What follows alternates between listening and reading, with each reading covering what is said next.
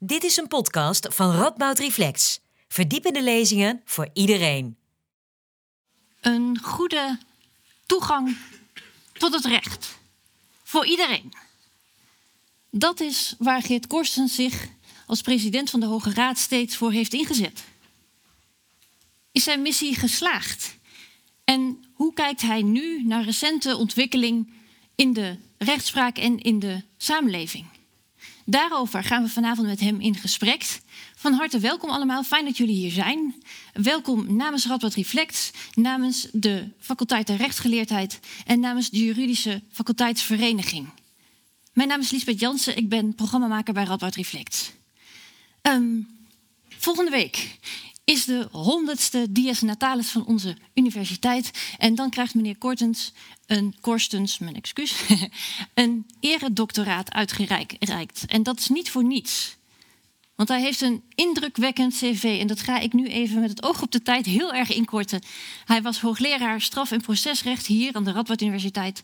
Daarna werd hij raadsheer en vervolgens president van de Hoge Raad. Het hoogste rechtssprekend instituut in Nederland. En hij is om allerlei redenen bekend. Uh, hij heeft boeken geschreven die nu nog steeds als handboek uh, binnen de studies worden gebruikt.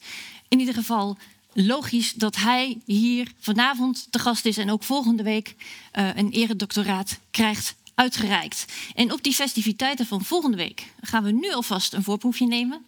Want zes studenten van de faculteit der rechtsgeleerdheid... die hebben allemaal een vraag uh, geformuleerd. En die gaan ze zo dadelijk aan meneer Korsen stellen.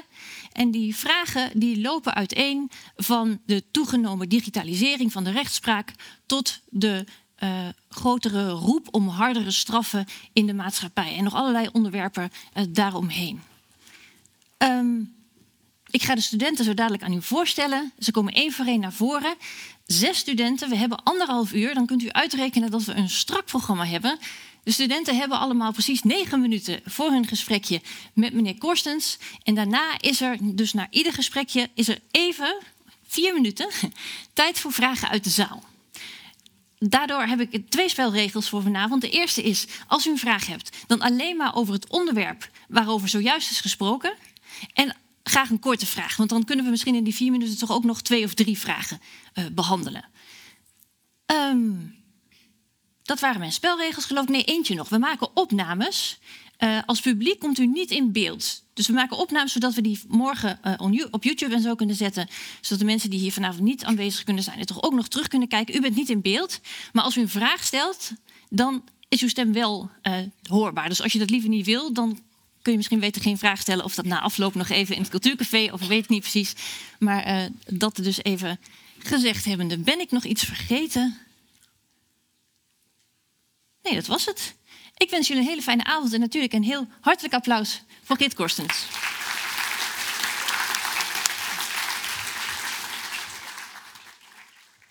Ja, van harte welkom. Ja, dankjewel. De studenten hebben allemaal hele mooie inhoudelijke vragen voorbereid. Ik dacht, ik ga een meer algemene vraag aan u stellen, even ja. kort om, om het hier te openen. Uh, u was eerst hoogleraar, ja. daarna was u president van de Hoge Raad. Um, dat zijn twee hele andere vakgebieden, om zo te zeggen. Ik ging van de theoretische academie naar de praktijk van de hoogste rechterlijke instantie. Uh, wat, wat, is voor u het grootste verschil? En hebt u door die verandering van, van context, bent u anders gaan kijken naar de samenleving? Ja, nou, een groot verschil. In zoverre twee dingen vielen me eigenlijk van meet af aan op toen ik in de Hoge Raad kwam. In de eerste plaats, uh, je hebt geen programma. Als hoogleraar moet ook je onderwijs doen, maar wat je dan verder doet, ja, dat is toch een soort programma wat je aan het afwikkelen ja. bent. Nou, in de Hoge Raad, je krijgt zaken voorgeschoteld, ook waar je niet om gevraagd hebt. Ja. Dan gaat het ineens over melkquota, of dan gaat het over KLM-tickets en dat soort dingen, of over georganiseerde criminaliteit. Dus dat vond ik uh, aanvankelijk toch wel uh, moeilijk, eerlijk gezegd. Dat je dus je eigen programma niet kunt, ja. be kunt bepalen. Maar dat ben ik geleidelijk aan steeds leuker gaan vinden. Uh -huh. Dat was ook intellectueel heel uitdagend om met totaal iets nieuws aan de slag, aan de, aan de slag Omdat het zo divers was, juist. Ja. ja. En het tweede grote verschilpunt was, ja, als hoogleraar, het hangt een beetje vanaf hoe je daar tegenaan kijkt, maar het is toch wel de bedoeling dat je af en toe naar buiten treedt, standpunten naar buiten brengt. Ja, en dat je als, uh, als, uh, als rechter, en zeker in de Hoge Raad, toch heel terughoudend moet zijn. Daar zijn we wel iets in veranderd uh, de laatste tijd, denk ik. maar het is, ja, je moet toch wel terughoudend zijn. En waarom? Omdat het kan zijn, als jij je uitlaat, noem eens wat, over het Israël-Palestina-conflict. Mhm. Het kan zijn dat er morgen een zaak op jouw bureau ligt. Ja, dan moet niemand kunnen zeggen, zie je wel, die vent die heeft zich al uitgelaten in die en die zin. Dus dat, is een, dat is een groot verschil. Dat vond ik in het begin wel aan uh, moeilijk, maar uh, daar ben ik wel aan gewend geraakt. Ja, dat kan ik me voorstellen. Dat wel. Ja, en je kunt dus inderdaad toch door jouw beslissingen invloed uitoefenen op de samenleving. En de samenleving ja, betrekkelijk een zekere richting insturen. Je mhm. moet je wel voorstellen dat je als rechter... Uh, je bent er niet om de grote lijnen van inrichting van staat... en laat staan samenleving te bepalen. Daar is de politiek voor. Dat, dat is de wetgever voor. Daar is de regering en parlement zijn daarvoor. Daar ben je als rechter niet voor. Maar je moet wel grenzen bewaken. Dus je moet zeggen, jongens, tot hier en niet verder. Dat is wel heel erg belangrijk. In zoverre is er dus toch een heel groot verschil tussen enerzijds de rechterlijke functie en anderzijds politieke functies. Helder. Ik ga de eerste student welkom heten. Dat is Hidde Tiegelaar. Hij is, uh, zit in de uh, derde bachelorjaar van de rechtsgeleerdheid. Uh, sorry. Ja, hij doet, studeert rechtsgeleerdheid, rechtsgeleerdheid in het derde bachelorjaar en hij gaat hierna de master strafrecht aan de Radboud Universiteit volgen. Welkom, Hidde. Oké. Doet hij het? Hij doet het. Helemaal goed. Um, met uw welbevinden uh, zou ik u graag uh, willen meenemen in een thema, en ook uiteraard de zaal, um, over uw specialisatie, het strafrecht. Um, en die vraag heeft betrekking op misschien wel de ultieme sanctie in ons wetboek van strafrecht, namelijk de levenslange gevangenisstraf.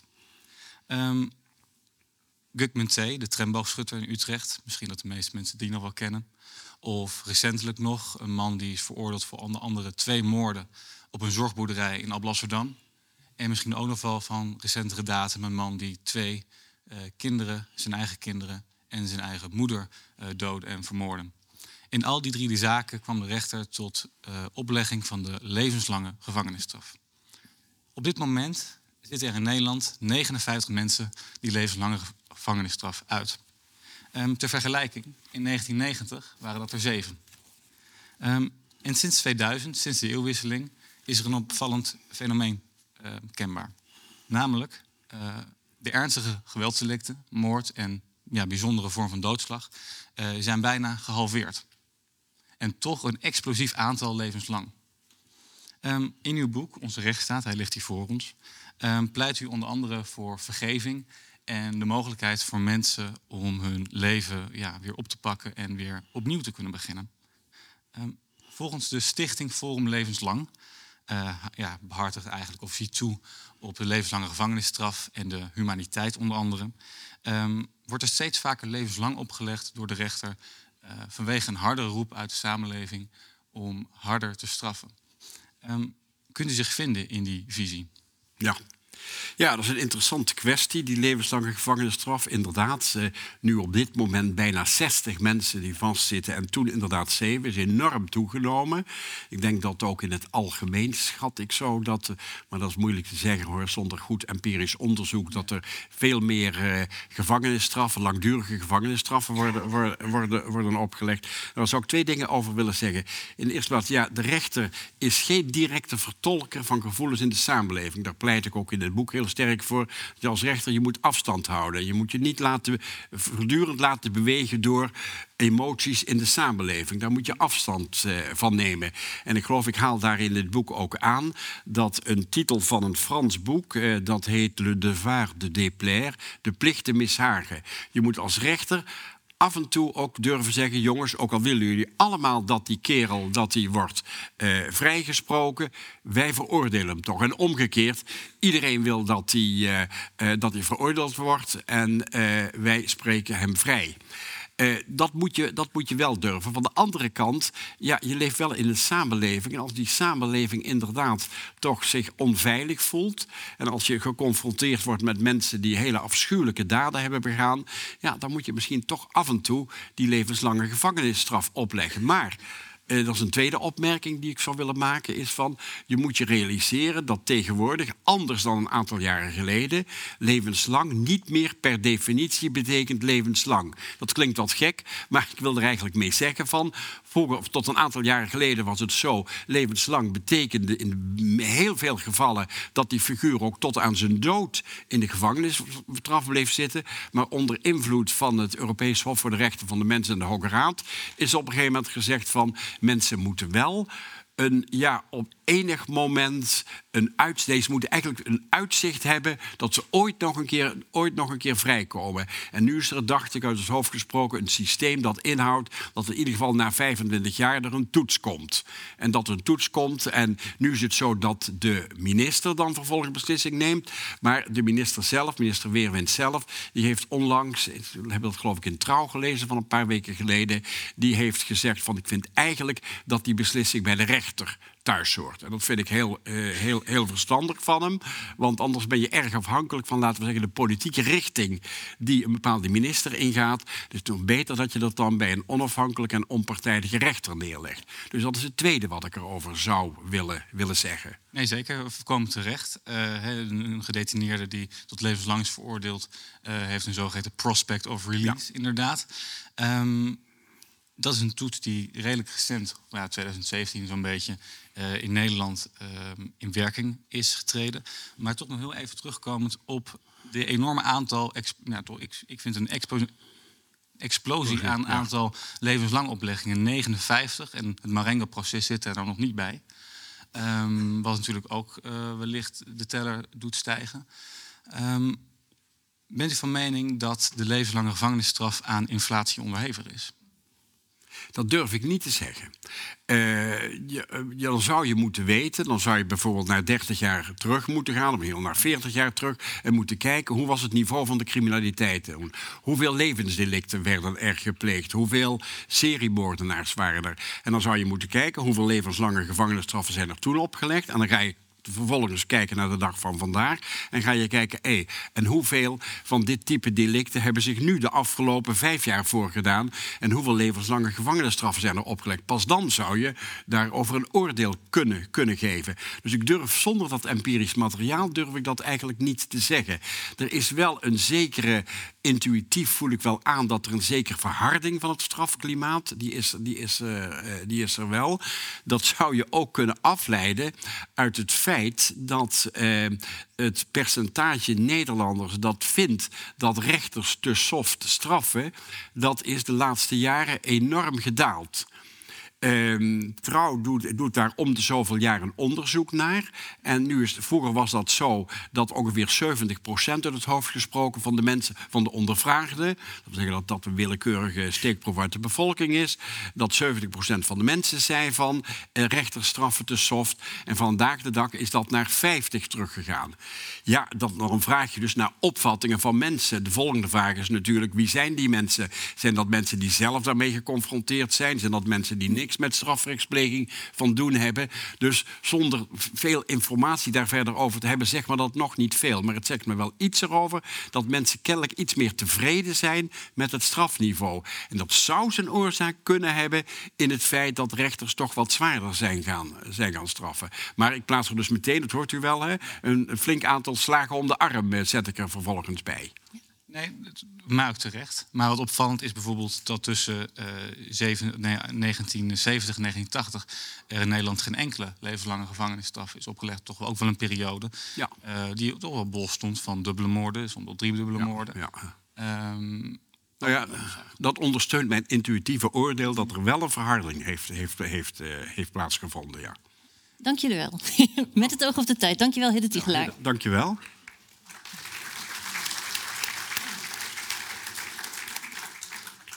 Kijk naar de zaal. Wie heeft er een vraag over de verharding van het strafrecht of de roep in de maatschappij om hardere straffen? Meneer achterin. Mijn collega komt naar u toe met de microfoon. Graag een korte vraag. Goedenavond. Ja, hoor Goedenavond, mijn naam is Pieter Monté. Onlangs hoorden we vanuit de politiek dat uh, boetes voor verkeersovertredingen gecorrigeerd worden voor inflatie. Deels om de begrotingen sluitend te krijgen, maar ook om de afschrikwekkende werking in stand houden. Moet iets dergelijks gebeuren met gevangenisstraffen? Moeten die ook aan inflatie onderhevig zijn? Ja. Ja, je kunt uh, geld kun je inderdaad eindeloos groter maken. Maar levenslang kun je niet langer maken. Dat zal u duidelijk zijn. Um, ik geloof niet dat, het, dat er reden is om eh, die gevangenisstraffen op zichzelf om die langer te maken. Uh, je moet dus altijd gaan kijken wat wil je beogen met die gevangenisstraf. Nou, dan komen altijd drie dingen komen naar voren. Speciale preventie, dus zorgen dat deze figuur niet weer in de fout valt. Generale preventie, zorgen dat anderen niet dezelfde fouten gaan uh, of soortgelijke fouten gaan maken. En in de derde plaats vergelding. Nou, leert de ervaring dat het bereiken van die doellijnen afgezien van vergelding, dat is heel moeilijk te meten, leent zich eigenlijk niet voor meting. Maar speciale generale preventie, nou, daar hebben deskundigen nogal hun twijfels over. Of dat inderdaad werkt. En of het werkt om als je mensen inderdaad langer in het gevangen zet, of dat inderdaad speciaal of generaal preventief een groot effect heeft. Daar zijn veel aarzelingen over. Dus ik ben geneigd om te zeggen, nou, die discussie wil ik toch eigenlijk liever niet, niet aangaan. Dat is helder. Is er nog een vraag? We hebben nog tijd. Wie mag ik het woord geven?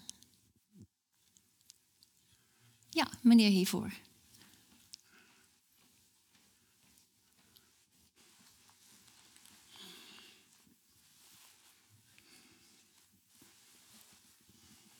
Ten aanzien van de.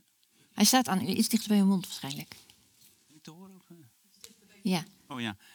Um, het is ook zo dat de wetgever heeft de tijdelijke straffen van veel uh, delicten verhoogd. Um, vindt u dat uh, um, de rechter daarop uh, zou kunnen of moeten reageren door ook zwaarder te straffen?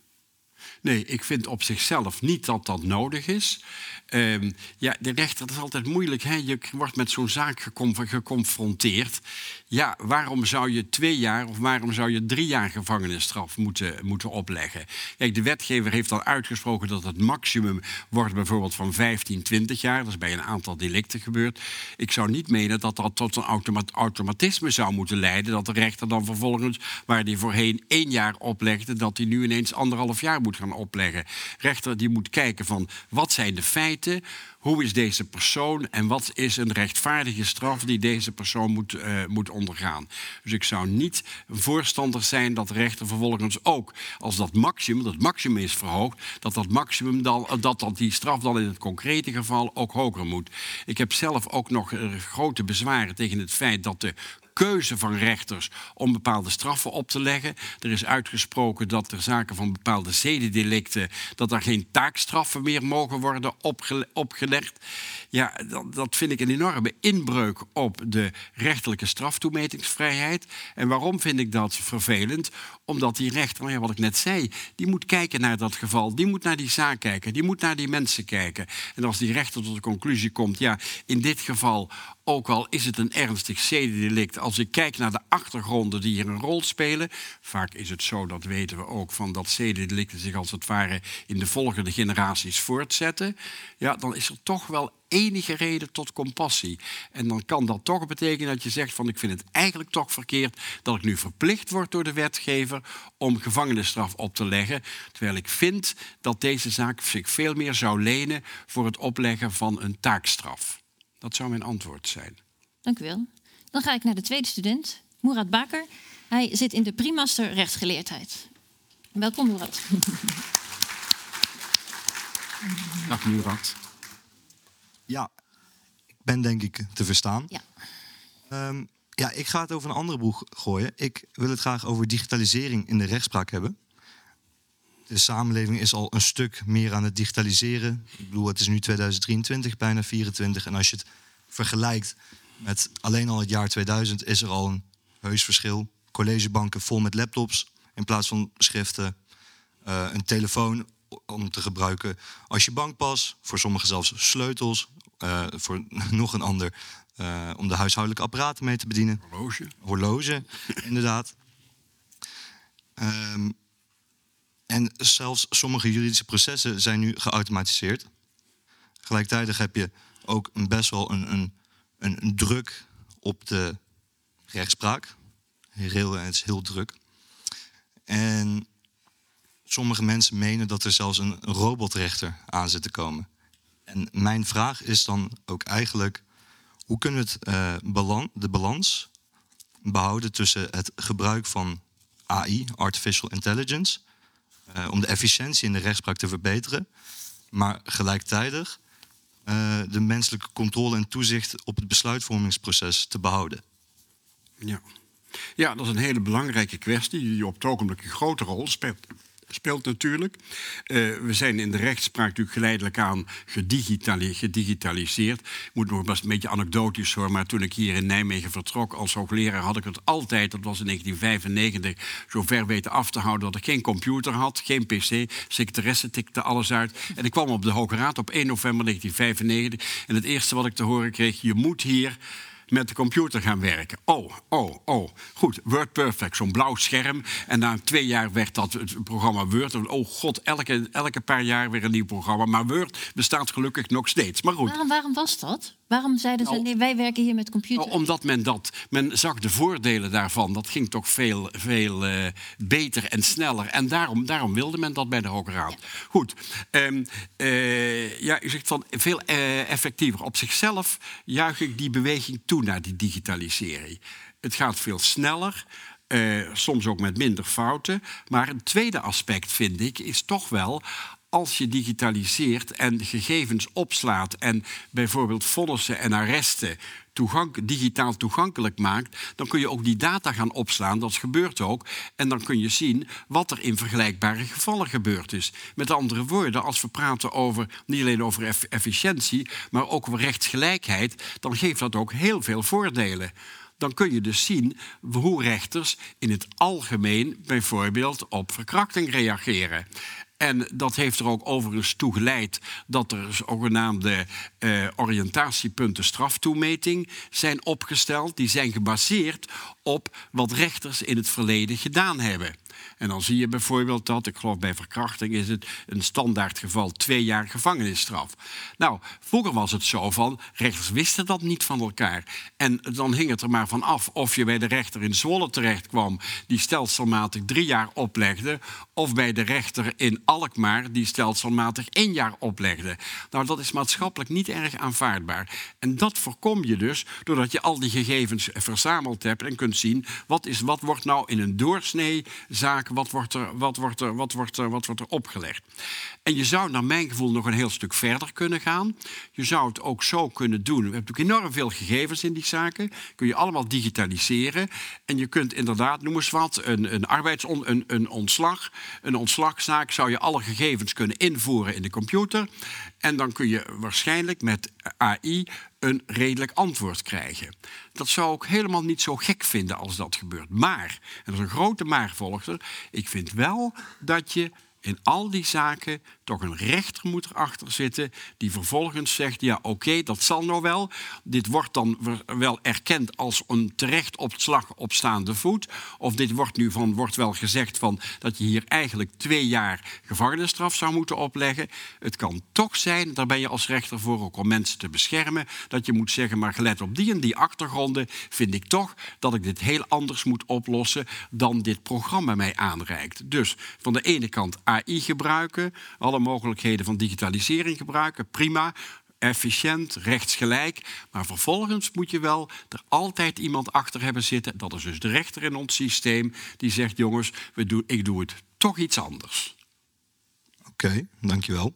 En ik kan me best wel vinden eh, in, in wat u zegt. Maar he- heb je dan niet dat ehm, juristen, om het maar even algemeen te noemen, zich meer gaan trainen op het gebruik van AI als hulpmiddel en minder op hun eigen juridische skills? Ehm, ja, dat hangt van de, van de faculteiten af. Ik zou menen van dat de faculteiten het toch heel verstandig aan doen om de studenten de hoofdlijnen van strafrecht, staatsbestuursrecht, privaatrecht duidelijk, duidelijk te maken. Want hoe kan ik vervolgens gaan beoordelen? Ik moet wel tenslotte mijn handtekening daaronder gaan zetten. Ik moet wel inderdaad vervolgens kunnen zeggen, en dit is een terecht op staande voet. Dat moet ik wel kunnen zeggen. En daarvoor moet ik wel de wetsregels en de jurisprudentie kennen. Dus ik vind toch wel dat dat. Eh, nee, daar ben ik toch wel. Ik ben er volkomen van overtuigd. Ik kan het stelliger uitdrukken. Ik ben er volkomen van overtuigd dat die digitalisering niet moet betekenen dat je zegt. En nou ga ik verder dat eigenlijk maar allemaal overlaten. En die rechter uit als een soort stempelmachine. Nee, die rechter en ook die advocaten. die moeten dat vak volkomen beheersen. En vervolgens van dit hulpmiddel gebruik maken. Ik zou er sterk op tegen zijn om op die manier te gaan, te gaan redeneren. Nee, en daar eh, kan ik me heel erg in vinden. Dat, vind ik ook, uh, dat lijkt me ook heel belangrijk. Um, maar zijn er niet rechtsgebieden waarvan u dan zegt... nee, hier zou ik het niet doen en hier zou ik het meer bij doen? Of denkt u dat dat redelijk gelijk getrokken kan worden? Nou zijn er heel veel rechtsgebieden, maar als we het een beetje algemeen houden... Is dat... Verkeersovertredingen kunnen wel uh, ja, op het rechter? Die zijn betrekkelijk, eh, laten we zeggen, ja, nee. Hè? Is hij door het rode stoplicht gereden of niet door het rode stoplicht gereden? Nou ja, als je daar een beetje behoorlijk bewijsmateriaal van hebt... nou, dan zou ik als rechter vrij snel een handtekening onderzetten. Hoor. En daar heb ik overigens ook weinig digitalisering voor nodig... Hoor, om, tot, om, tot die, om tot die conclusie te komen. Dus in dat soort, uh, dat soort zaken, eenvoudige zaken... maar ik zou het moeilijk om het naar rechtsgebied... dan eh, een, onder, een onderscheid te maken. Want ja, er zijn in het civiele recht heel veel simpele zaken, maar er zijn ook een aantal hele moeilijke zaken. En dat heb je in het staatsrecht ook, en bestuursrecht en strafrecht heb je dat ook. Er zijn heel veel ingewikkelde zaken. Uh, is dit inderdaad een terecht een beroep op noodtoestand of niet? euthanasie bijvoorbeeld. Nou, en opzet, is dit nou wel opzet? Is het voorwaardelijk opzet? Ja, dat zijn toch vragen waar je als rechter heel goed over, moet, over moet, moet nadenken. Dus ik zou niet menen dat je wat dat betreft een onderscheid moeten maken, zou moeten maken naar rechtsgebied. Dat niet. Je kunt wel een onderscheid maken of het eenvoudige, simpele doorsneezaken zijn. Kijk, een winkeldiefstal, ja, ja oké, dat is betrekkelijk simpel af te doen, denk ik. En dan ja? uh, dankjewel. Dankjewel, Murat Baker. Ja.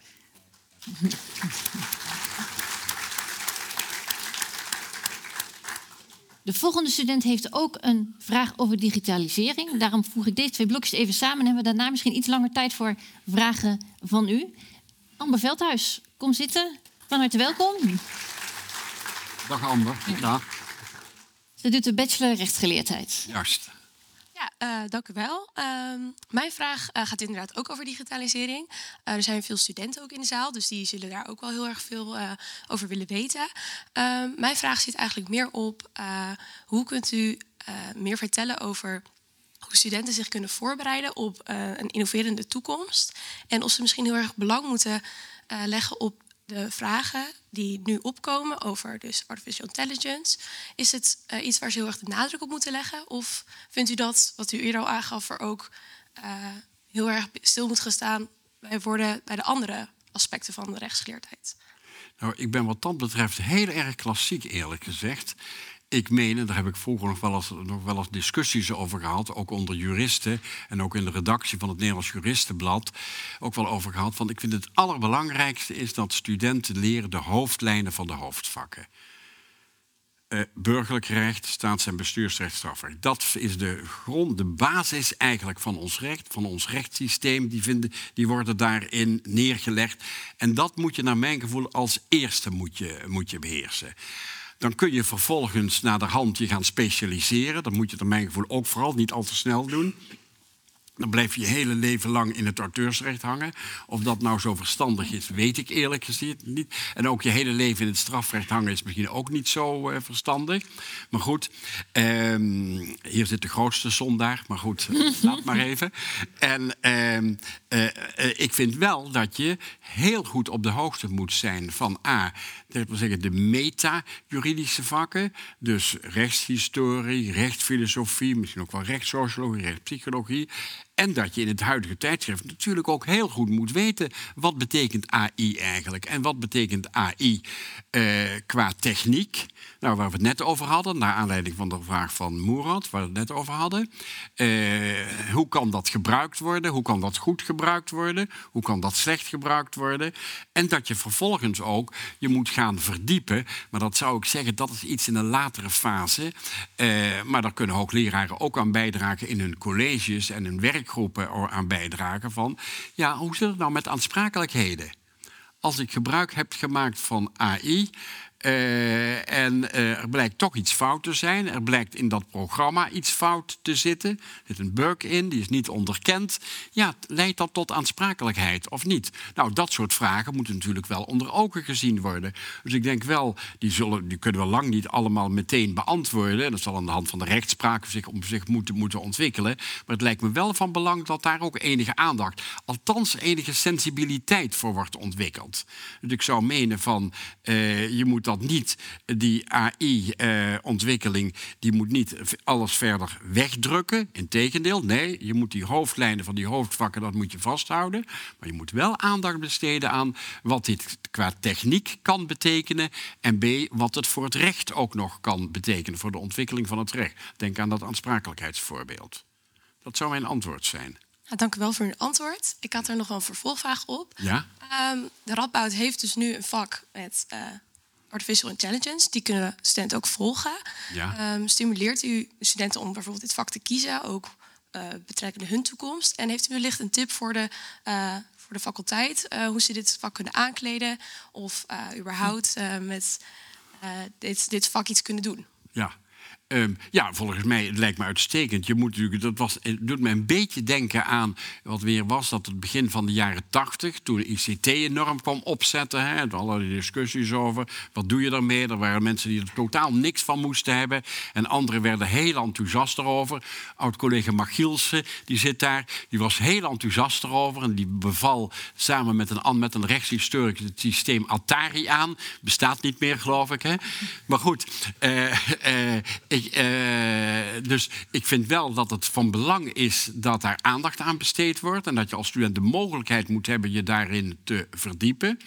En ja, wat zou ik voor suggesties kunnen doen? Het lijkt me aardig om eens te kijken. Dan zul je denk ik toch naar uh, de Verenigde Staten moeten kijken. Of er aardige voorbeelden zijn te vinden waar het met AI fout is gegaan.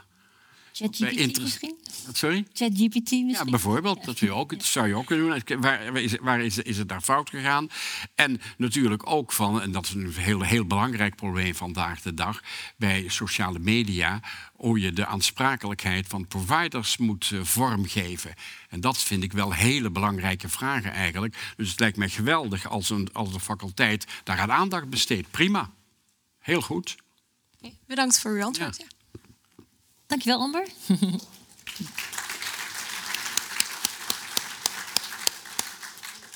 en ik kijk weer naar de zaal. Wie heeft er een vraag over digitalisering of de consequenties daarvan? Steek je hand op, dan komt mijn collega. Ja, daar in het midden.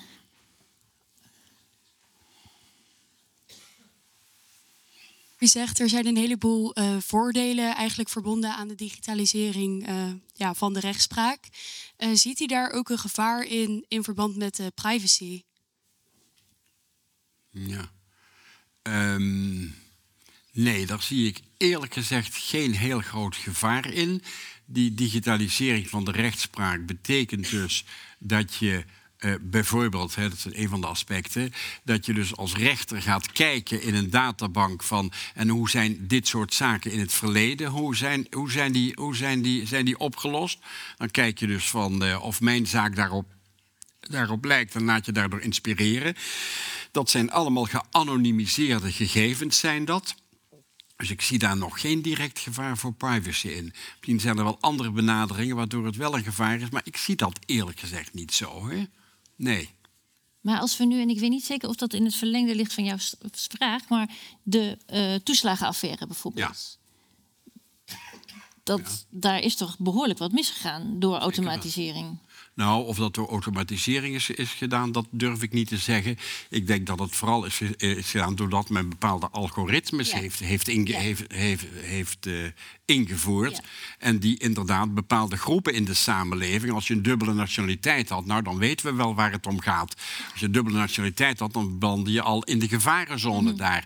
En, maar is dat privacy? Dat, weet, dat zou ik toch niet eigenlijk als een privacyprobleem willen zien. Dat zou ik eigenlijk los daarvan willen zien als een verkeerde toepassing van algoritmes in de uitvoering van de toeslagenwetgeving. Ja. ja, misschien geen privatisering inderdaad, maar toch wel de digitalisering in zijn algemeenheid. En de, Ja. ja. Ja, dat wel, daar maak je gebruik van. Maar ik geloof niet dat dat echt heel veel met privacy te maken heeft. Dat zou ik niet. niet eh, Ja, kijk, tenzij je zegt van eh, eh, het feit dat ik moet opgeven dat ik twee nationaliteiten heb, ja, dat is een inbreuk op mijn privacy.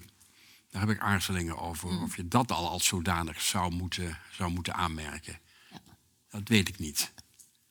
Meer vragen? Ja, hier vooraan.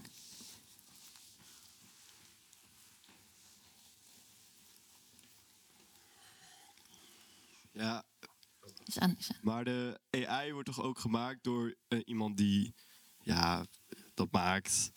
Is dat niet, eh, zorgt het niet dat de onafhankelijkheid van de rechter afneemt? Want misschien kan hij via een code zijn eigen ja, voorkeur erin doen of iets. Want de rechter kan hem niet eh, checken. Snapt u? Nee, om de rechter heeft niet de competentie, de technische competentie om dat te doorzien. En als je gebruik maakt dan van zo'n via AI ontwikkeld model of programma, dan zou dat kunnen betekenen dat je de fouten ingaat omdat je onvoldoende technische kennis hebt. Ja, dat zou natuurlijk kunnen. Maar ja, dat is hetzelfde als wanneer je vertrouwt. Je bent met een zaak bezig, je gaat in de literatuur kijken. Ja, en op een gegeven moment zie je toch een overheersende mening in de literatuur. Dat, nou ja, om weer even te- komen bij dat voorbeeld van het ontslag op staande voet. Dat ontslag op staande voet in die en die situaties gerechtigd is. Terwijl eigenlijk die auteurs een beetje elkaar napraten. En, het, en, het, en de eerste bron toch, toch niet echt goed heeft doorzien. Nou, dat kan zich bij AI natuurlijk ook voordoen. Maar ik zie dat niet als een wezenlijk ander probleem dan als we gebruik maken van klassieke interpretatie- en toepassingstechnieken. Dat zie ik eigenlijk niet, nee. Misschien wil meneer daarboven hierop reageren? Nou, eh, mijn vraag gaat iets de andere kant op, en namelijk eh, AI versus I. Anders gezegd, ehm, er kunnen zich zaken voordoen waarbij er nog geen jurisprudentie is. Zaken is helemaal nieuw. Ehm, ziet u dan nog eh, toepassingen voor AI of zijn we dan puur op de grijze cellen aangewezen? Ik denk een, een fictieve situatie dat een willekeurige premier in Nederland zich net zo zou gedragen als de vorige president van de Verenigde Staten, waar nu allerlei rechtszaken tegenlopen. Waarbij er voortdurend wordt geroepen, dit bet- betreden onbegaan, onbetreden terrein. We weten niet wat we ermee aan moeten. Kan AI daar toch nog een hulpmiddel zijn? Ja, dat vind ik een hele moeilijke vraag die u stelt, eerlijk gezegd. Dat is het ook inderdaad, ja. Een hele moeilijke vraag van...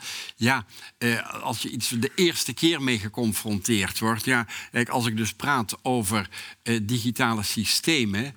dan zijn die gebaseerd op ervaringen in het verleden. Nou, in dit voorbeeld van u, als ik u goed begrijp, doet zich dat eigenlijk niet voor. Want dit is iemand die zich heel afwijkend gedraagt. Althans, in de opvat, in de ogen van ons Westerlingen, althans West-Europeanen, heel afwijkend gedrag. Dus ik eh, geloof ook dat ik in dat geval, ik kan die verbinding met AI niet zo goed, niet zo goed leggen, eerlijk gezegd. Nee. Nee, nee, die zie ik niet. Nee, die zie ik niet. Nee, nee. Is er nog een laatste korte vraag over digitalisering? Ja, oh, twee handen. Nou, mevrouw daar. U zegt u staat over het algemeen positief eh, ten opzichte van digitalisering eh, in het eh, rechtsgebeuren. Ja. Hoe kijkt u dan aan tegen de gevaren van hacking, die natuurlijk ook op de rechtsgebeuren grote invloed kunnen hebben, net zoals ze ziekenhuizen en elektriciteitscentrales plat kunnen leggen? Hoe ziet u dat voor, de recht, Ja. Nou ja, dan kom ik wel een beetje ook weer op het punt van mevrouw daarboven, van privacy. Via hacking kun je inderdaad gegevens van mensen boven, boven water halen. Hè. Er zijn nog allerlei andere gevaren wellicht eh, eh, aan hacking.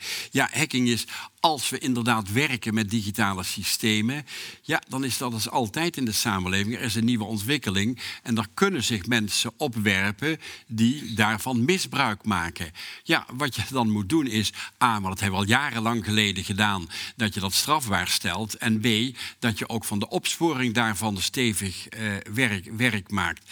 Ja, dat is gegeven met zo'n systeem. Ja, net zo goed als wanneer er auto's op de weg komen, ja, die kunnen gaan botsen. Ja, is dat een reden om te zeggen, dan mogen we maar niet meer in auto's rijden? Nee, denk ik. Dat antwoord erop is duidelijk. Nou ja, dat is met, dat, met die digitalisering ook zo. Er kan misbruik van gemaakt worden. En dat geldt dus ook bijvoorbeeld bij uh, mensen die van sociale media gebruik maken en de meest idiote mededelingen daar doen. Ja, ik zou menen dat er veel meer werk gemaakt zou moeten worden van aansprakelijkheid van providers voor de inhoud van de mededelingen op hun medium.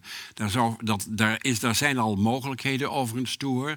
In het wetboek van strafrecht zijn daar mogelijkheden toe, toe opgenomen. Net zo goed als de, de uitgever die niet de naam van de auteur van het beledigende schrift bekend maakt, die kan daarvoor vervolgd worden. Als je dat niet bekend maakt. Nou, dat kan overigens ook bij providers, kan dat ook. En daar zou naar mijn gevoel veel meer werk van gemaakt moeten, moeten worden.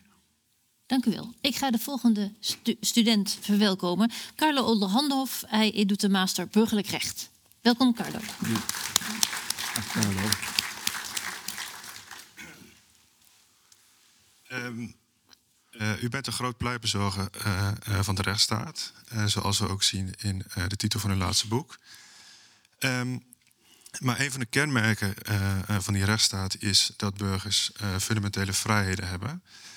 Um, nou, is, of, nou zijn burgers de laatste tijd die zijn de straat op gegaan tegen het beleid van de overheid. kijk naar de boerenprotesten, klimaatprotesten, coronaprotesten ook niet te vergeten. Um, de mensen die nu protesteren tegen um, het uh, klimaatbeleid van de overheid, um, uh, die voelen zich zo in hun uh, fundamentele rechten geraakt dat zij zich genoodzaakt voelen om ook daadwerkelijk de straat op te gaan. Mijns inziens wordt er anders omgegaan met mensen die protesteren tegen het klimaatbeleid van de overheid dan uh, met mensen die protesteren tegen um, het beleid van de overheid omtrent uh, corona. Um, mijns inziens treedt de politie anders op tegen uh, Extinction Rebellion dan tegen de mensen die protesteren tegen het beleid van de overheid tegen, tegen corona. Um, mijn vraag aan u, is, aan u is: hoe kijkt u hier tegenaan en bent u daarmee eens? Ja.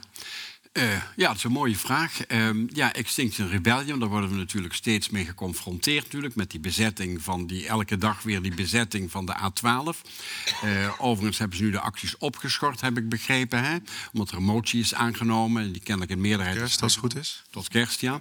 Um, ja, kijk, van de ene kant vrijheid van meningsuiting. Is een heel groot goed in onze samenleving. En je ziet wat er gebeurt als er geen vrijheid van meningsuiting is. Denk aan Polen, denk aan Hongarije, denk aan Rusland vooral. Daar, ja, daar eh, gebeuren allerlei dingen, maar niemand verzet zich daartegen, want ze weten als ik dat doe, dan word ik opgepakt. Dus dat betekent voor de ontwikkeling van een democratische samenleving is dat funest. Dus ik vind dat vrijheid van meningsuiting is een heel essentieel recht wat we hebben. En dat moeten we van alle kanten onder, uh, onder, uh, ondersteunen. Van de andere kant, ja, je hebt natuurlijk ook, uh, er zijn mogelijkheden, die staan ook al in het Europees Mensenrechtenverdrag en die staan ook in onze grondwet. Maar zoals je weet als jurist, van we mogen niet toetsen, de wet niet toetsen aan de grondwet, maar wel aan internationale mensenrechtenverdragen. Dus we moeten rekening houden met die beperkingsclausules die daar staan. En dan staat in, in die uh, internationale verdragen staat dat ze beperkt mogen worden, ook de vrijheid van meningsuiting, met het oog op een goede democratische laat ik het zo maar even zeggen. Er zijn een aantal beperkingsmogelijkheden. Hè? Functioneren van de rechtsstaat staat er bijvoorbeeld ook in. Ja, en dat moet je dan vervolgens tegenover elkaar gaan afwegen. Vind je dat. Uh, burger, het belang van burgers die, want het is nu was het bij Den Haag uitrijden, hè, die Den Haag moeilijk kunnen, kunnen uitrijden en dat al elke dag een aantal uren niet kunnen, vind je dat een groter belang dan het belang die deze demonstranten hebben bij het naar buiten brengen van een standpunt in zaken klimaatbeheersing. Ja, dan moet je dat eh, als rechter gaan afwegen. Ik kan me voorstellen dat je op enig moment, en dat geldt ook voor het bestuur natuurlijk in eerste instantie, voordat de rechter, want de rechter is er geloof ik nog nauwelijks aan uh, te pas gekomen. Ja, dan moet je die twee dingen afwegen. Dat is heel moeilijk om die twee belangen tegenover elkaar af te wegen. Ja, eh, ik zou menen dat je niet dan vervolgens moet zeggen: het mag allemaal. Dat denk ik niet, want dan verwaarloos je de belangen van die autorijders. Eh, van de andere kant, er mag helemaal niks, lijkt me ook niet goed. Dat is een heel belangrijk kwestie waarvoor deze mensen strijden. Dus ik denk van als dat bijvoorbeeld tot vervolgingen zou komen, dat je dan als rechter probeert een matigend oordeel te geven. En dat zou betekenen, hoewel je misschien die lui wel tot gevangenisstraf zou kunnen veroordelen, dat je dat zeker niet zou moeten doen. Je kunt wel zeggen, oké, u krijgt een boete, krijgt u, en dat is het dan. Dus ik zou menen van het is heel moeilijk om dat, om dat af te wegen. Maar het is niet zo dat je moet zeggen vrijheid van meningsuiting staat altijd voorop. En dat probeert men uh, te betogen. Dat lijkt me geen goed uitgangspunt. Je hebt beperkingsclausules, er mag beperkt worden. En de samenleving moet ook, moet ook kunnen, kunnen voortgaan. Dus dat is mijn abstracte antwoord op je vraag. Um, dan hoop ik een uh, concrete vraag terug te stellen. goed zo. um, dat is misschien wat makkelijker. Um, dus je bent het eens met het beeld dat, het, uh, dat een deel van Nederland of een, of een aantal Nederlands heeft, uh, dat er wel verschil zit in de aanpak tussen verschillende protesten, om het zo te zeggen. Oh, dat heb ik nog niet gezegd. Maar bent u het daarmee eens? Ja, dat is een tweede, dat is een tweede punt. Ja, ik zie niet zo hoor dat er nou een heel groot verschil is. Het enige, ja, ik zie wel een heel bij die corona. Uh, ja, dit soort uh, protesten, dat waren toch anders getinte protesten naar mijn gevoel. Ik zie wel een. Wat van anders uh, getint protest is dat dan? Ten opzichte van. Uh, oh, die zijn niet de weg, de A12 opgegaan, bijvoorbeeld. Hè? Niet gaan. Waar ik wel een vergelijking mee zou willen maken, is met de boerenprotesten. Die massaal met tractoren naar Den Haag trekken. De snelweg eindeloos blokkeren vervolgens. Geweld gebruiken ook vervolgens.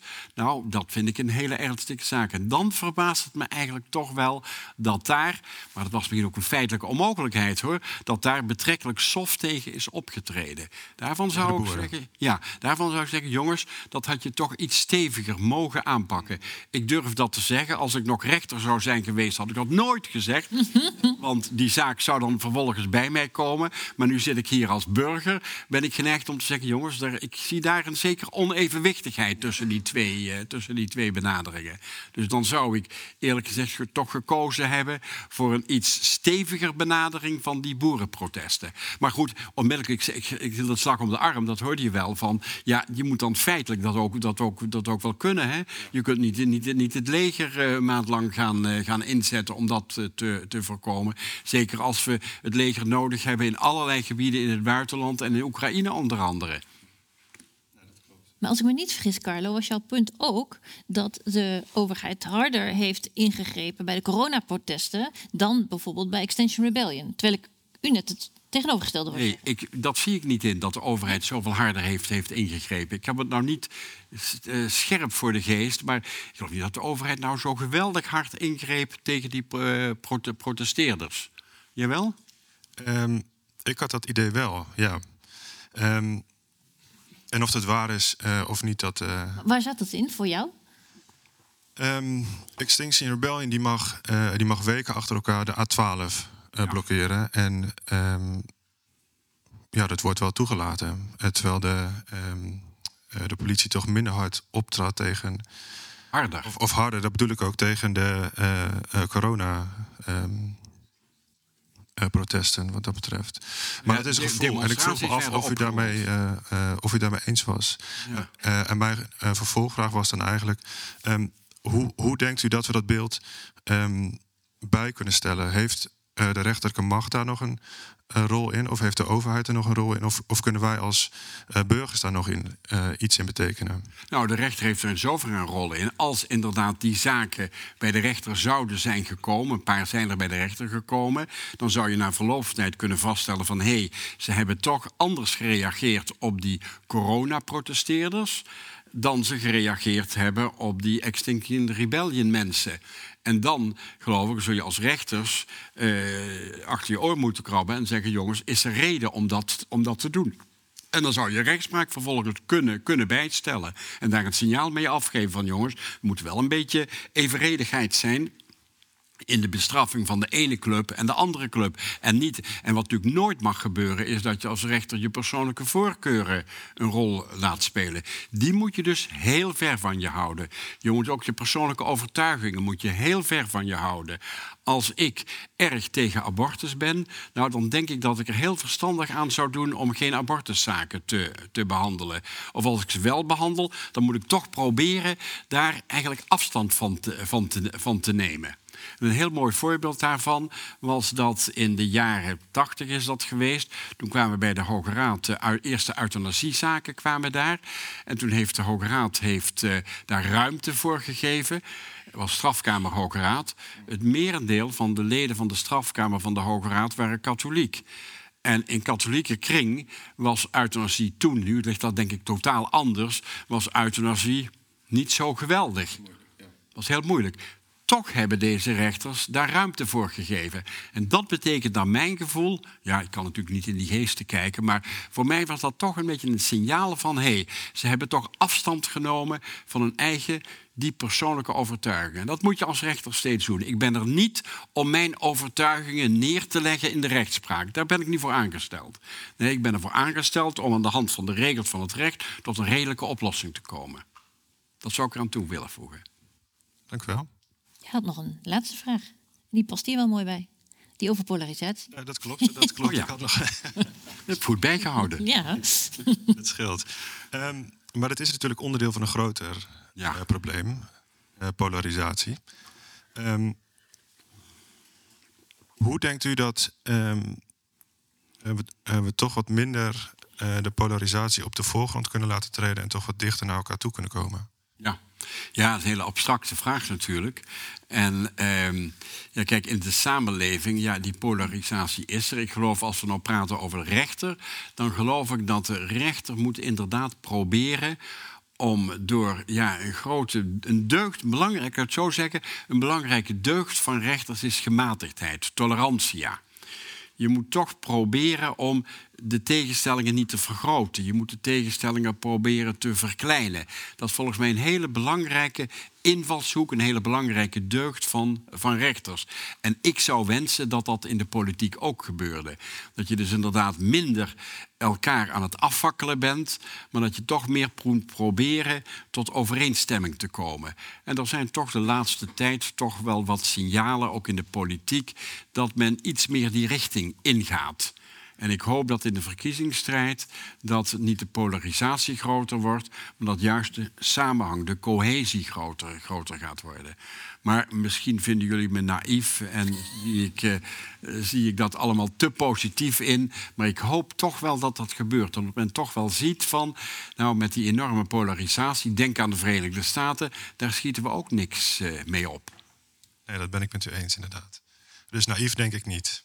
Oké. Okay. Dus dat hoop ik niet. Nee. Zou de rechterlijke macht daar nog een soort voorbeeldfunctie in kunnen hebben naar de politiek toe? Of ziet ja, ik denk het wel. Kijk, als je nu kijkt hè, hoe nou het vertrouwen in de rechter, hoe het daarmee gesteld is, dan zie je dat bovenaan, dat was weer die enquête van Trouw, die ik straks al even noemde, die in september, uh, van 8 september in Trouw heeft gestaan. Uh, uitslag daarvan, dan zie je dat als mensen worden bevraagd over vertrouwen in instituties, dan staan bovenaan de rechter met de, uh, twee, uh, 72 procent en de politie met 70 of 71 procent. En dan uh, uh, parlement veel lager, regering nog lager. Nou goed, het is de pers inderdaad ook nog lager. Dan zitten we op 29 procent ongeveer. Maar dan zie je dus toch dat uh, rechters heel veel vertrouwen hebben. Ja. En dat rechters, denk ik, dat er ook uitstralen, naar mijn gevoel, doordat ze laten we zeggen, zich gematigd opstellen. Uh, luisteren naar mensen. En dat mensen die ervaringen hebben met rechtspraak dat ook ondervinden. Mensen die over rechtspraak lezen dat ook zien. En nou, om een voorbeeld te noemen. Hè, uh, hoe heet die man in Den Haag? Richard de Mos. Hè? Die is uh, vrijgesproken van corruptie. En iedereen dacht dat die vent veroordeeld zou, zou worden. OM is overigens in hoger beroep gegaan. Maar dan zien de mensen toch van... hé, hey, die rechters hebben er toch wel degelijk naar gekeken... en zijn ondanks dat iedereen vindt, dat, of iedereen, veel mensen vinden dat die vent veroordeeld moet worden... hebben ze hem toch vrijgesproken. En dat geeft toch een zeker vertrouwen, denk ik, in mensen. Van hé, hey, er zijn nog figuren, instituties in, ons, in onze samenleving die zaken op een redelijke, matige manier aanpakken. Dus ik denk dat in zoverre de rechters toch wel een heel goed voorbeeld zouden kunnen, kunnen vormen. Carlo Oldehandhoofd, dankjewel voor je vragen. Ik ga kijken. Dankjewel. Ik ga kijken of er in de zaal mensen zijn die een vraag hebben die aansluiten bij die van Carlo. Uh, protesten, vrijheid van meningsuiting uh, en polarisatie. Wie mag ik het woord geven? Ja.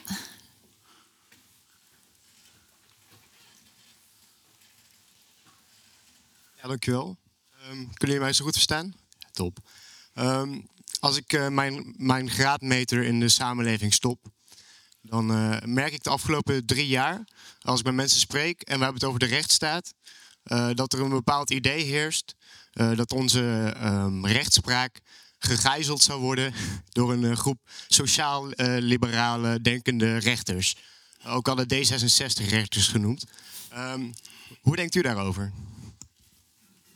Ja, um, ja, rechters mogen politieke opvattingen hebben het is niet de bedoeling dat ze die heel geprofileerd uitdragen. Dat is niet de bedoeling, want dan denk ik toch dat je van mensen die van een hele andere richting zijn en als die bij jou komen dat je nog onvoldoende vertrouwen zult, uh, zult, uh, zult, zult krijgen. Dus ik denk ook dat rechters er verstandig gaan doen dat ook niet naar buiten te brengen. Maar ik moet onmiddellijk zeggen dat ik zelf ook in dit opzicht was ik een zondaar. Uh, jaren geleden was er een keer een, een VN, Vrij Nederland-enquête. En dan werd aan rechters gevraagd wat voor politieke richting ze hadden. Daar heb ik eerlijk gezegd ook een antwoord op gegeven. Dat zou ik nu nooit meer doen. En uh, toen kwam er inderdaad wel uit dat D66 hoog scoorde. Mijn antwoord daarop was altijd: uh, ja, kijk, het is niet zo verbazingwekkend. Vro het D66 is een middenpartij. Vroeger scoorde het CDA heel, heel erg hoog bij rechters. En waarom? Was een middenpartij. Kijk, rechters hebben toch de neiging, zijn geen extremisten. Zitten vaak niet aan de uiterste linker nog aan de uiterste rechterzijde. Zitten ergens tussenin. Dus het is niet zo gek dat je dan uitkomt bij D66 of CDA. Um, dus uh, ja, uh, maar nogmaals, ik zou wel menen dat het toch verstandig is als rechters om je toch niet te veel daar uh, in die zin uit te, uit te laten. Ik weet niet of dat een voldoende antwoord is op uw vraag.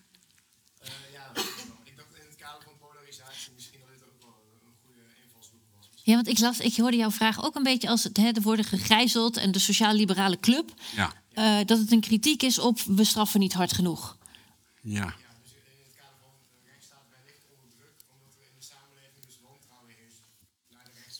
Ja. Maar goed, ik heb net gezegd, ja. van het interessante is dus toch dat die rechtspraak ontzettend hoog scoort met die 72 procent. Dus dat spreekt weer een beetje deze gedachte tegen natuurlijk wel.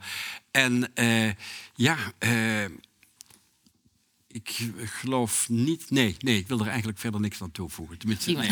nee, nee. Dan Alleen constateren dat wij de enige zijn in deze zaal die een stropdas dragen. ja, ik weet, weet niet of dat ook ergens op duidt. Dat weet ik eigenlijk niet. Er zijn vast ook percentages over. Wie mag ik nog het woord geven voor een korte vraag? Ja, achterin, mevrouw.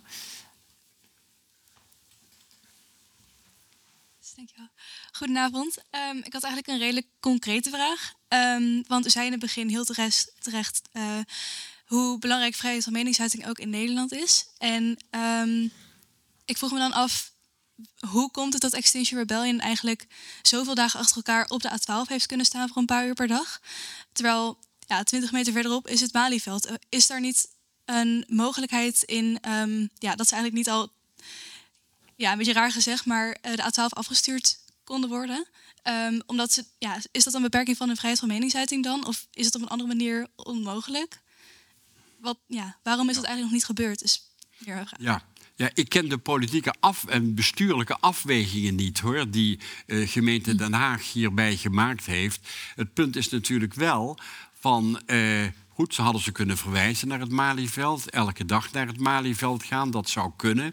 Maar deze mensen, ja, die hebben zich daar weinig, als dat al gezegd zou zijn, hebben zich daar weinig van aangetrokken en gaan elke dag trekken ze weer daar naartoe.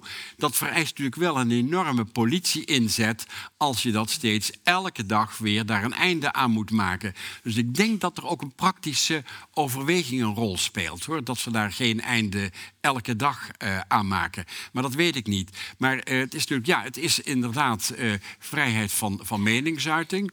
En een van de dingen is natuurlijk ook dat als je op een vergelijkbare manier je mening kunt uiten, dan kan de eis gesteld worden dat je dat dan op die vergelijkbare, minder de samenleving belastende manier doet. En dat zou dan Malieveld inderdaad zijn. Maar ik ken de afweging eerlijk gezegd niet. Ik durf het niet te zeggen. Dank u wel. Ik ga het woord geven aan Koen Willemsen. Hij doet de master staats- en bestuursrecht. Welkom.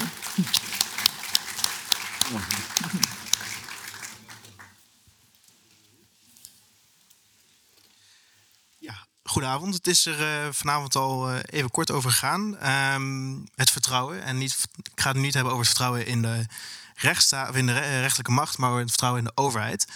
Ehm, het vertrouwen in de overheid is namelijk ongekend laag. De Erasmus Universiteit heeft een onderzoek gedaan dat het van eh, het 70% vertrouwen in 2021 naar 30% vertrouwen in eh, 2022 is gegaan. De Nederlander heeft in ieder geval verschillende crises voor, eh, voor zijn kiezen gehad. Ehm, denk aan corona, eh, de klimaatcrisis. Eh, maar de toeslagaffaire die spant de kroon. En het blijkt ook dat dat de grootste boosdoener is geweest voor het vertrouwen in de overheid. Er was namelijk sprake van een perfect storm bij de toeslagenaffaire. Het toeslagensysteem als zodanig. de harde wetgeving. Ehm, de Belastingdienst-algoritme, wat u zelf ook heeft aangehaald vanavond. En de alles of niets jurisprudentielijn van eh, de bestuursrechter. Nu heeft de bestuursrechter eh, zijn excuses aangeboden aan de samenleving over ehm, hoe die zich heeft gedragen in de, eh, in de verschillende recht, rechtszaken. Ehm, nu ben ik het niet ermee eens dat, dat zij als enige de schuldigen zijn. En, maar mijn vraag is wel: wat zou de rechterlijke macht eraan kunnen doen om te proberen het vertrouwen eh, in de overheid te herstellen? Ja. En dan doel je op het vertrouwen in de bestuurlijke overheid. Want dat vertrouwen in de rechter, dat hebben we net een paar keer onder ogen gezien, dat is er wel. Dat is 72 procent. Ja, ik denk dat de rechter daaraan kan, kan meewerken door in de toekomst veel kritischer te kijken naar overheidshandelen. Want eh, de bestuursrechters, afdeling bestuursrechtspraak van de Raad van State, heeft een aantal jaren toegelaten dat er mensen op een hele onevenredige manier gestraft werden voor kleine fraudes.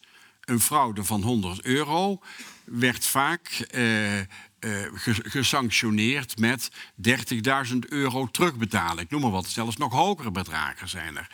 Ja, daar heeft naar mijn gevoel eh, had eh, A, de Belastingdienst, die met de toeslagentoedelingen belast was, eh, die had dat nooit zo ver moeten laten komen. Belastingdienst heeft zich eh, veel te veel laten leiden door wat naar aanleiding van de Bulgare fraude in de Tweede Kamer werd opgemerkt. Daar was men heel erg boos over, over die Bulgare fraude. En toen is er een vrij, ja, wat zou zeggen, veel te strenge wetgeving tot stand gekomen.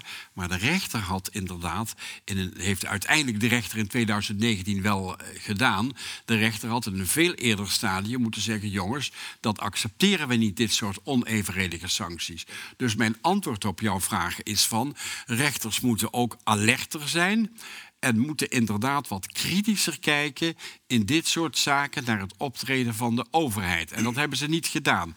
En ik hoop dat ook de rechters, uiteraard ook de overheid en ook parlement hoop ik overigens ook, want die hebben die wetgeving gemaakt. De regering heeft die wetgeving ge, uh, ge, uh, gemaakt.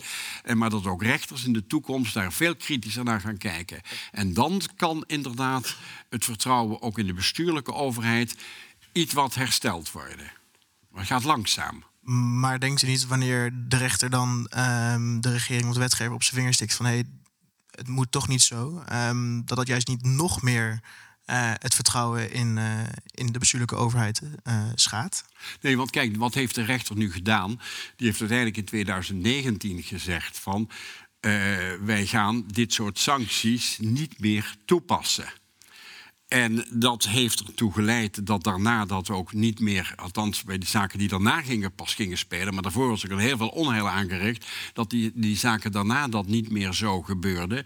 En dat de overheid zich dat ook wel iets van heeft aangetrokken. Want die overheid is daarna niet meer op diezelfde manier verder gegaan. Dat gebeurt vandaag de dag gelukkig niet meer. Dus in zoverre heeft dat wel gewerkt.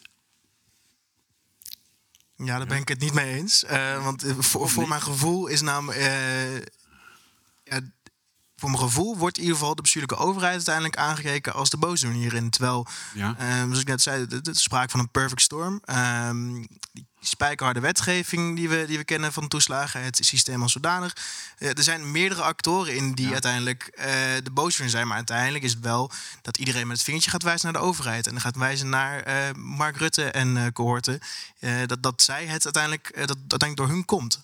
Ja, dat, die, die visie deel ik niet. Nee, het is inderdaad duidelijk. Hier zijn fouten gemaakt door de wetgeving die te streng was.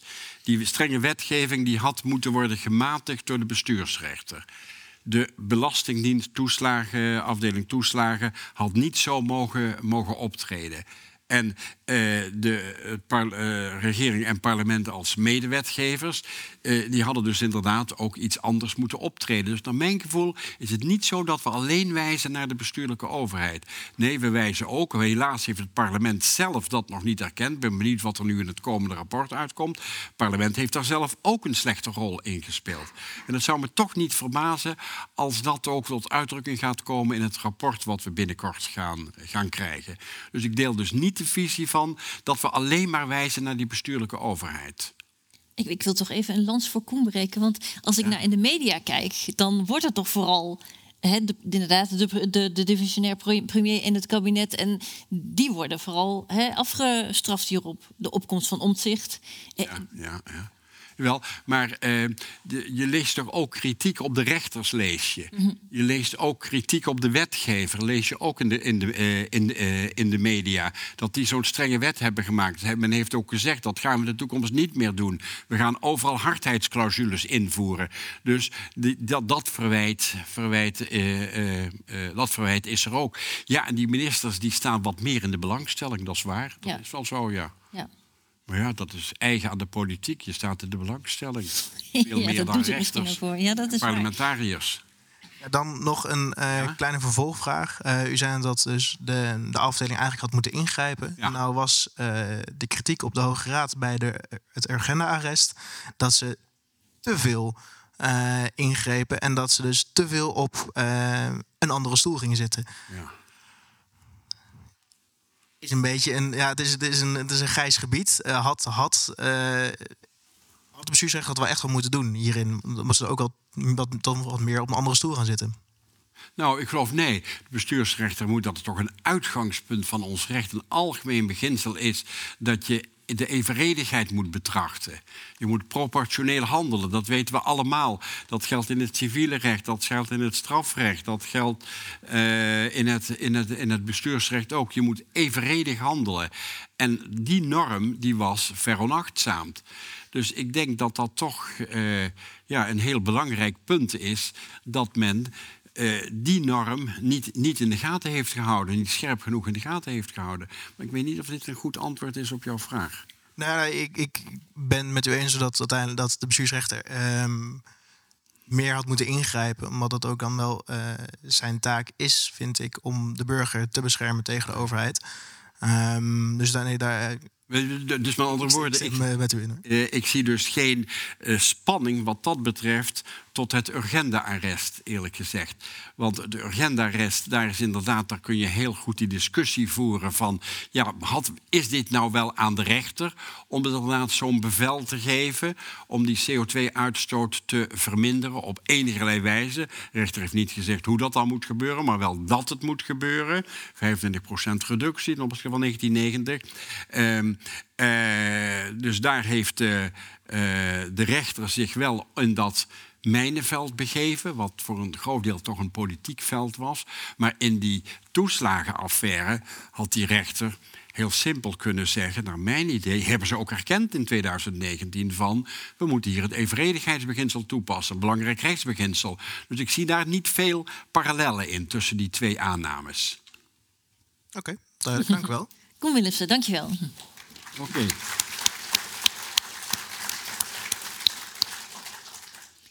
Vertrouwen in de overheid. Wie heeft hier een vraag over? Ik zie meteen hier al twee vingers. Heel goed, ga ik eerst naar jou op de tweede rij.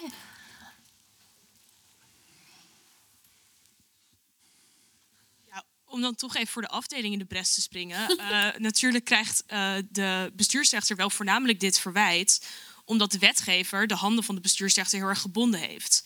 Maar die is in toenemende mate gaan samenhangen met de regering door zware coalitieakkoorden en dergelijke. Uh, dus komt er een soort van verwijt van we hebben meer sprake van monisme dan van dualisme wanneer het aankomt op de wetgever. Dat de regering en de wetgever te veel op elkaar kruipen en dus het bestuur en de wetgever niet uit elkaar te houden zijn. Um, ziet u bijvoorbeeld dat daar dan een sterkere rol voor de rechter zou moeten komen? Of dat bijvoorbeeld dat meer uit elkaar getrokken zou moeten worden? En eventueel hoe? Ja, nou ik zie uh, uh, A, uw beginpunt van uw redenering van de handen van de rechter waren gebonden. Dat wijs ik af naar mijn gevoel had die rechter met een beetje creativiteit heel goed kunnen zeggen: ik ga ondanks die strenge wetgeving ga ik toch het evenredigheidsbeginsel toepassen. Dus dat zie ik niet zo, niet zo zitten. Wel is het zo van dat inderdaad door die coalitievorming en dat men erg boven op elkaar zit, ja, de rechter een hele veel belangrijkere rol heeft dan die in het verleden was. In een dualistisch systeem waarin er meer afstand eh, is tussen regering en parlement. Eh, dan heb je dat iets minder nodig. Maar nu regering en parlement door die coalitieakkoorden sterk op elkaar geklonken zijn, heeft de rechter een hele belangrijke, een hele belangrijke functie. Maar dan kom ik weer op het punt van Koen Willemsen, kom ik weer even, even uit van. Ja, betekent wel dat je dan toch wel je een zekere macht toe-eigent.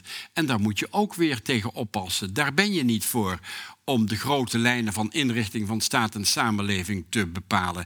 Dat is aan de wetgever. Dus in zoverre is het dus moeilijk balanceren. Maar ik, ik vind, vind wel dat je vandaag de dag wel kunt zeggen van ja, de rechter heeft meer mogelijkheden gekregen. En de burgers verwachten ook bescherming van de kant van de rechter. Zeker als er via de coalitievorming ja, er eigenlijk weinig tegenop, dat je er heel moeilijk tegenop kunt, kunt boksen. Ja? Op de voorste was ook een vraag. Ja, goedenavond. Uh, denkt u in zijn algemeenheid ook niet dat uh, social media een rol speelt in het wantrouwen richting de overheid? Gezien uh, ja, fake news, wat er speelt, complottheorieën, bijvoorbeeld ook rond de coronacrisis. Dat dat niet ook uh, een hele grote rol speelt in dat mensen niet zo snel meer aannemen wat de overheid zegt, maar wat andere mensen of social media kanalen zeggen over wat er speelt in de samenleving. Ja, nee, dat is zeker zo. Daar ben ik het helemaal mee eens. Wat u daar zegt van speelt natuurlijk een hele grote rol. Maar het punt is dat men vaak elkaar napraat op social media. Dat is een belangrijk punt. Nou zie je dat ook in de schrijvende pers ook wel hoor. Dat men als een kluitje op, op een bepaald punt zit. Dat je denkt, jongens, is dit nou het allerbelangrijkste? Hè? Nou, zoals nu vandaag de dag over die vlag wel of niet hijsen. Jongens, het gaat echt om iets anders hè, dan of er in Nederland, in Alblasserdam, de ene vlag wordt geheven of de andere vlag. Dat interesseert me toch werkelijk totaal niks. En maar dat is wel iets wat een enorme rol aan het spelen is, terwijl het gaat over een heel belangrijk issue namelijk de vrijheid van twee volkeren, van Israël en van de Palestijnen.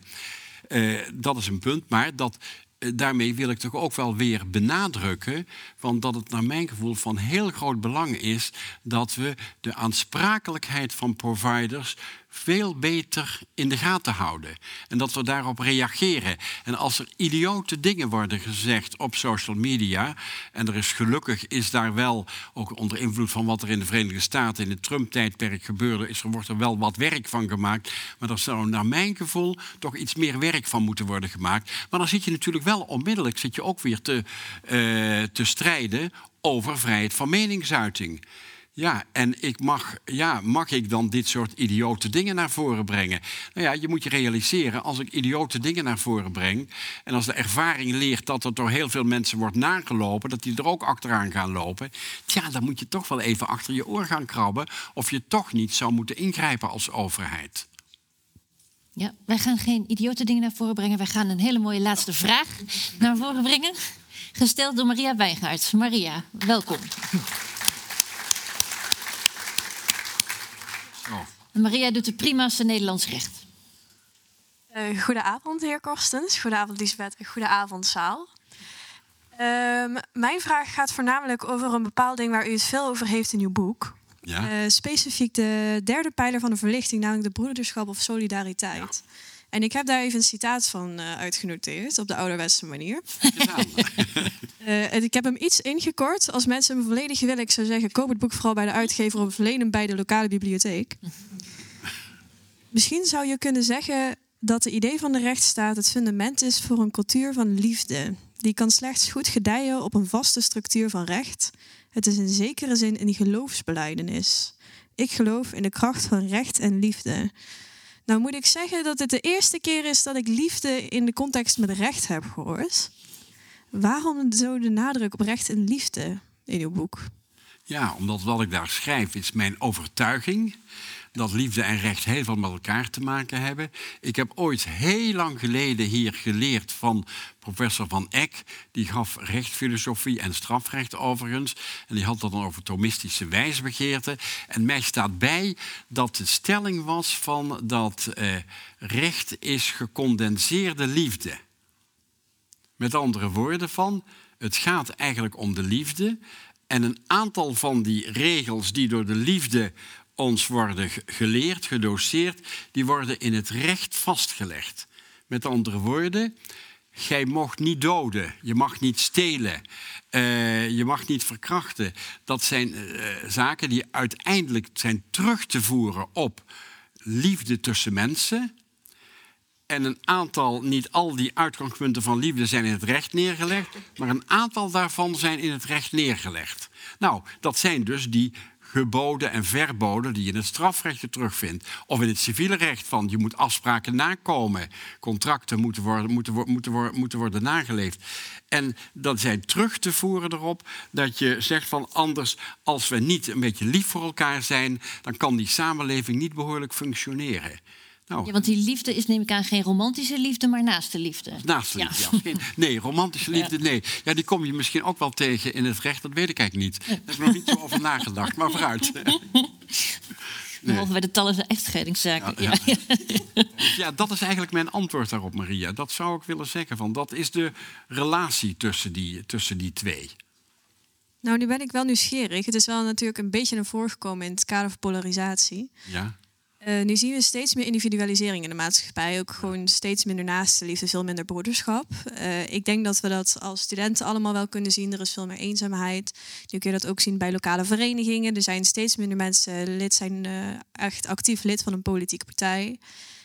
bij de universiteit is het te voelen. Er zijn steeds minder mensen te vinden voor de medezeggenschapsraad. Daar hebben ze toen ook een lezing over gedaan bij Radboud Reflects. Um, hoe kan volgens u nou de combinatie van rechts uh, en liefde nou zegevieren in eigenlijk een tijdperk wat naar mijn idee steeds meer wordt echt gewoon wordt gekenmerkt door middel van individualisme en uh, eigenlijk steeds meer minder door het collectivisme? Ja, ik zou er ook op willen antwoorden. Het is net als met het idee van de rechtsstaat. Hè? Dat idee van de rechtsstaat, dat is helaas eigenlijk, van, dat was een vanzelfsprekendheid vroeger. Dat is niet meer zo'n vanzelfsprekendheid. Dat we Wat bedoelt u precies met de Nou, rechtsstaat? Was de rechtsstaat als vanzelfsprekend. Dat je zegt van natuurlijk hebben vrijheidsrechten eh, moeten gerespecteerd worden. Natuurlijk moet er scheiding van machten of evenwicht tussen de machten, macht in de staat zijn. En natuurlijk is iedereen gebonden aan het recht. Ja, dat was een vanzelfsprekendheid. Dat lijkt toch iets minder vanzelfsprekend te zijn. En dat is met die naaste liefde naar mijn gevoel hetzelfde. Dat is toch iets minder vanzelfsprekend eh, geworden. En ik zou menen dat het is aan jullie en aan mij ook, aan ons ook, van om die gedachten uit te dragen. Ik zou menen van dat, eh, eh, dat geldt ook dus voor die rechtsstaatgedachte, maar ook voor die gedachte van die naaste liefde die daar dicht tegenaan ligt. Dat moet door de leiders in de samenleving moet dat naar voren gebracht worden. Die moeten dat uitdragen. Die moeten dat niet zomaar laten gebeuren, allerlei gekke dingen. Nee, die moeten ook daarvoor, daarvoor opkomen. En hoe zouden ze dat heel praktisch kunnen doen? Nou, eh, heel praktisch kunnen doen door bijvoorbeeld in het debat hè, wat nu gaande is hè, eh, over eh, Israël en Palestina. Hè, door de mensen die zeggen van ik trek me niets aan, ik weiger aandacht te besteden aan de oorzaken van dit conflict. Want die hebben we helaas, zijn er die.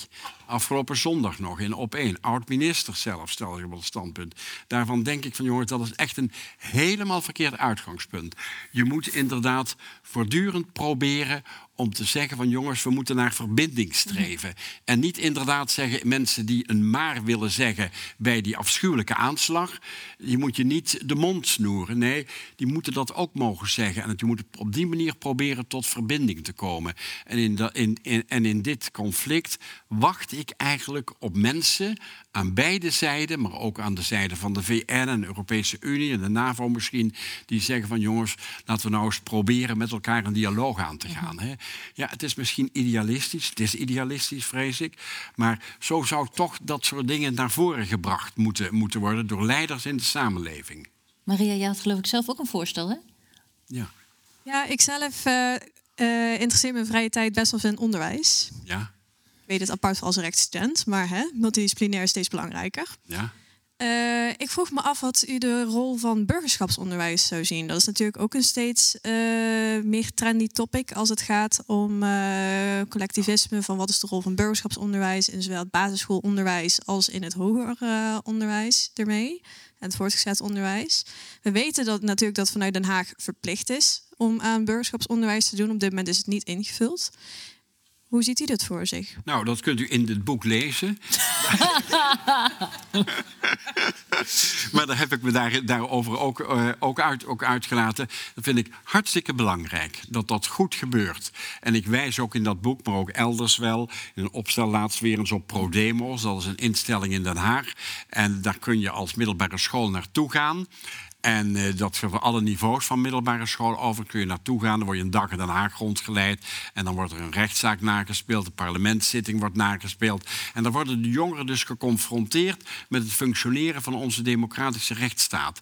Heel belangrijk. Daarnaast heb je inderdaad nu die aangescherpte verplichting van burgerschapsonderwijs. Ik ben benieuwd hoe dat gaat, gaat lopen. Ik heb eigenlijk nog weinig eh, gehoord over de praktische ervaringen daarmee. Maar goed, aan het einde van dit schooljaar zullen we daar misschien iets meer, iets meer over dat is naar mijn gevoel heel erg belangrijk dat dat, dat, dat, dat, dat, dat gebeurt. Kijk, vroeger ontleenden we onze moraliteit vooral aan de kerken.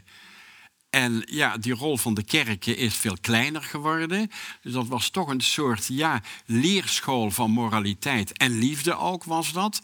En eh, dat is een beetje weggevallen. Dus naar mijn gevoel is het heel belangrijk. En ik vind dat niet een soort modernistische aanpak. Nee, dat is een hele goede aanpak om dat tekort op die manier op te vullen. Via dat burgerschapsonderwijs. Heel belangrijk. Misschien een extreme versie ervan. Maar ziet hij ook misschien een rol daarin, misschien ook weer een- in de invulling van de maatschappelijke dienstplicht? Want dat is natuurlijk ook een discussie die heeft plaatsgevonden.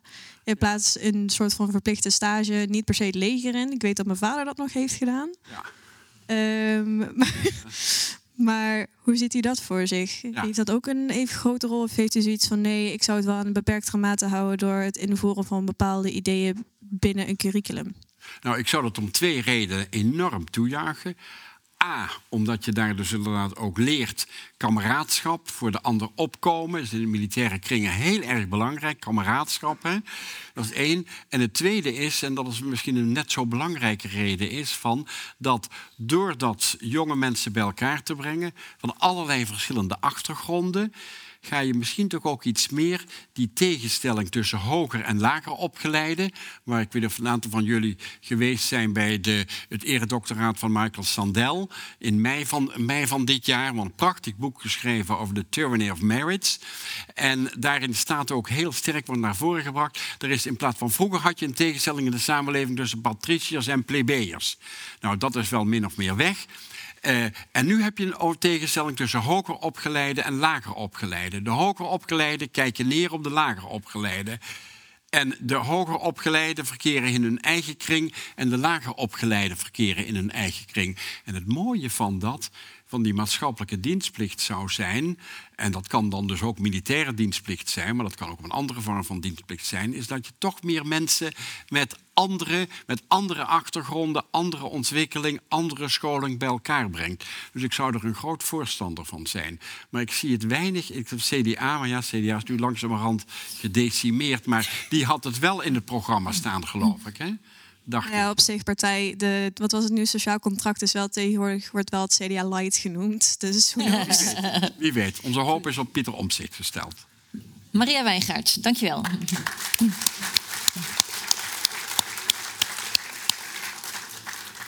Liefde, solidariteit en het recht. Wie wil hier een vraag over stellen? Ja, meneer.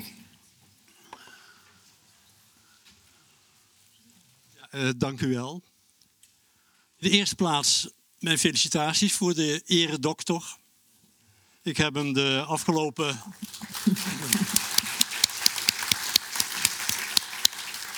ik heb hem de afgelopen uh, bijna 40 jaar van nabij mogen volgen in zijn carrière. Imposant, indrukwekkend, geweldig wat hij allemaal heeft bereikt. Dit boek over de rechtsstaat, dat roept toch ook weer vragen op. Als je kijkt naar Oost-Europa, Slowakije, Polen, Hongarije, hoe daar omgegaan wordt met bepaalde minderheden, hoe daar één of enkele partijen het hele, de hele democratie bijna beheersen en manipuleren, lijkt het wel eens alsof woorden die eerst altijd in samenhang werden genoemd, de democratische eh, rechtsstaat, dat die losgezongen raken van elkaar en dat misschien het gevaar kan ontstaan dat de democratie, als je dat ziet in Oost-Europa, de grootste vijand wordt van de rechtsstaat. Hoe denkt u erover? Ja, ja, dat is een ontwikkeling die, uh, die gaande is. En we weten allemaal dat in de jaren 20 in Italië, in de jaren 30 van de vorige eeuw in Duitsland, dat ook gebeurde. Op legale wijze kwam er iemand aan de macht, Mussolini respectievelijk Hitler, om vervolgens de rechtsstaat om zeep te helpen. Ja, en dat zie je dus helaas in Oost-Europa. Uh, zijn er heel veel signalen die die richting inwijzen. En ja, wat we kunnen doen is met de middelen die we hebben, maar dat zijn hele beperkte middelen. Want als je een meerderheid hebt in een land die die beweging ondersteunt, en we hopen dat de verkiezingen in Polen binnenkort, dat die wellicht een ander resultaat gaan, gaan, gaan, gaan, gaan opleveren. Maar als dat niet gebeurt, gaat die ontwikkeling ook in Polen steeds verder die richting in. Gelukkig uh, zijn er mechanismes in de Europese Unie ontwikkeld om inderdaad landen die zich rechtsstatelijk niet behoorlijk gedragen tot de orde te roepen. Er kunnen ook financiële sancties worden daaraan, worden daaraan uh, verbonden. Maar het is een hele gevaarlijke ontwikkeling, is het. En als ik zie dat er nu weer een aantal staten staan te trappelen aan de poorten van de Europese Unie.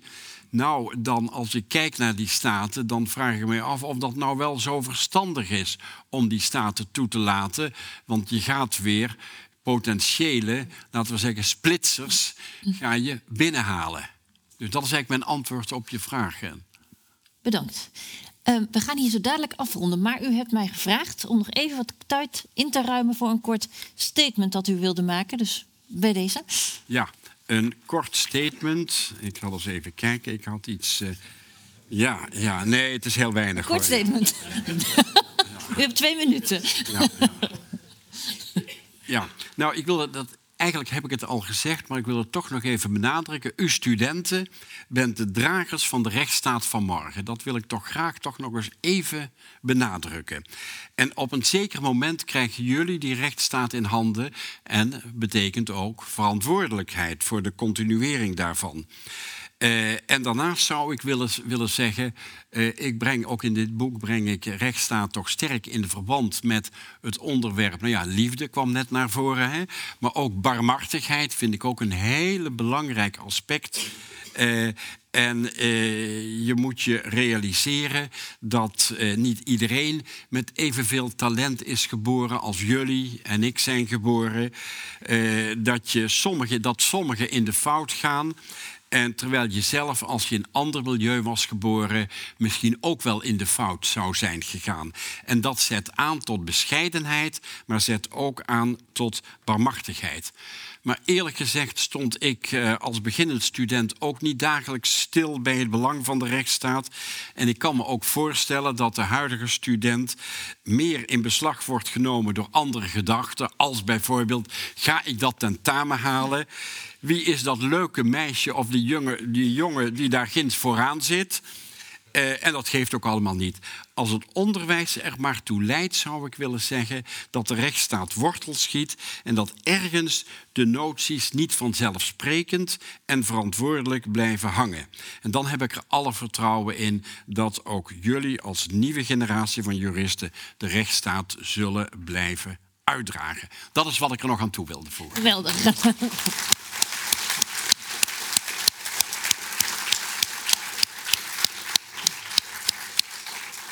Ja, dank u wel, meneer Korstens. Heel fijn dat u hier vanavond wilde zijn, met ons in gesprek wilde gaan. Alvast heel erg gefeliciteerd met uw eredoctoraat volgende week. En natuurlijk een hele fijne dag daar. Voor jullie ook. Dank je wel dat jullie hier waren, dat jullie hebben meegedaan aan de discussie. Um, misschien tot volgende week bij de DS. En dan dus graag tot een ander programma van Radboud Reflex. Oké, okay, dank je wel. Ja, dank u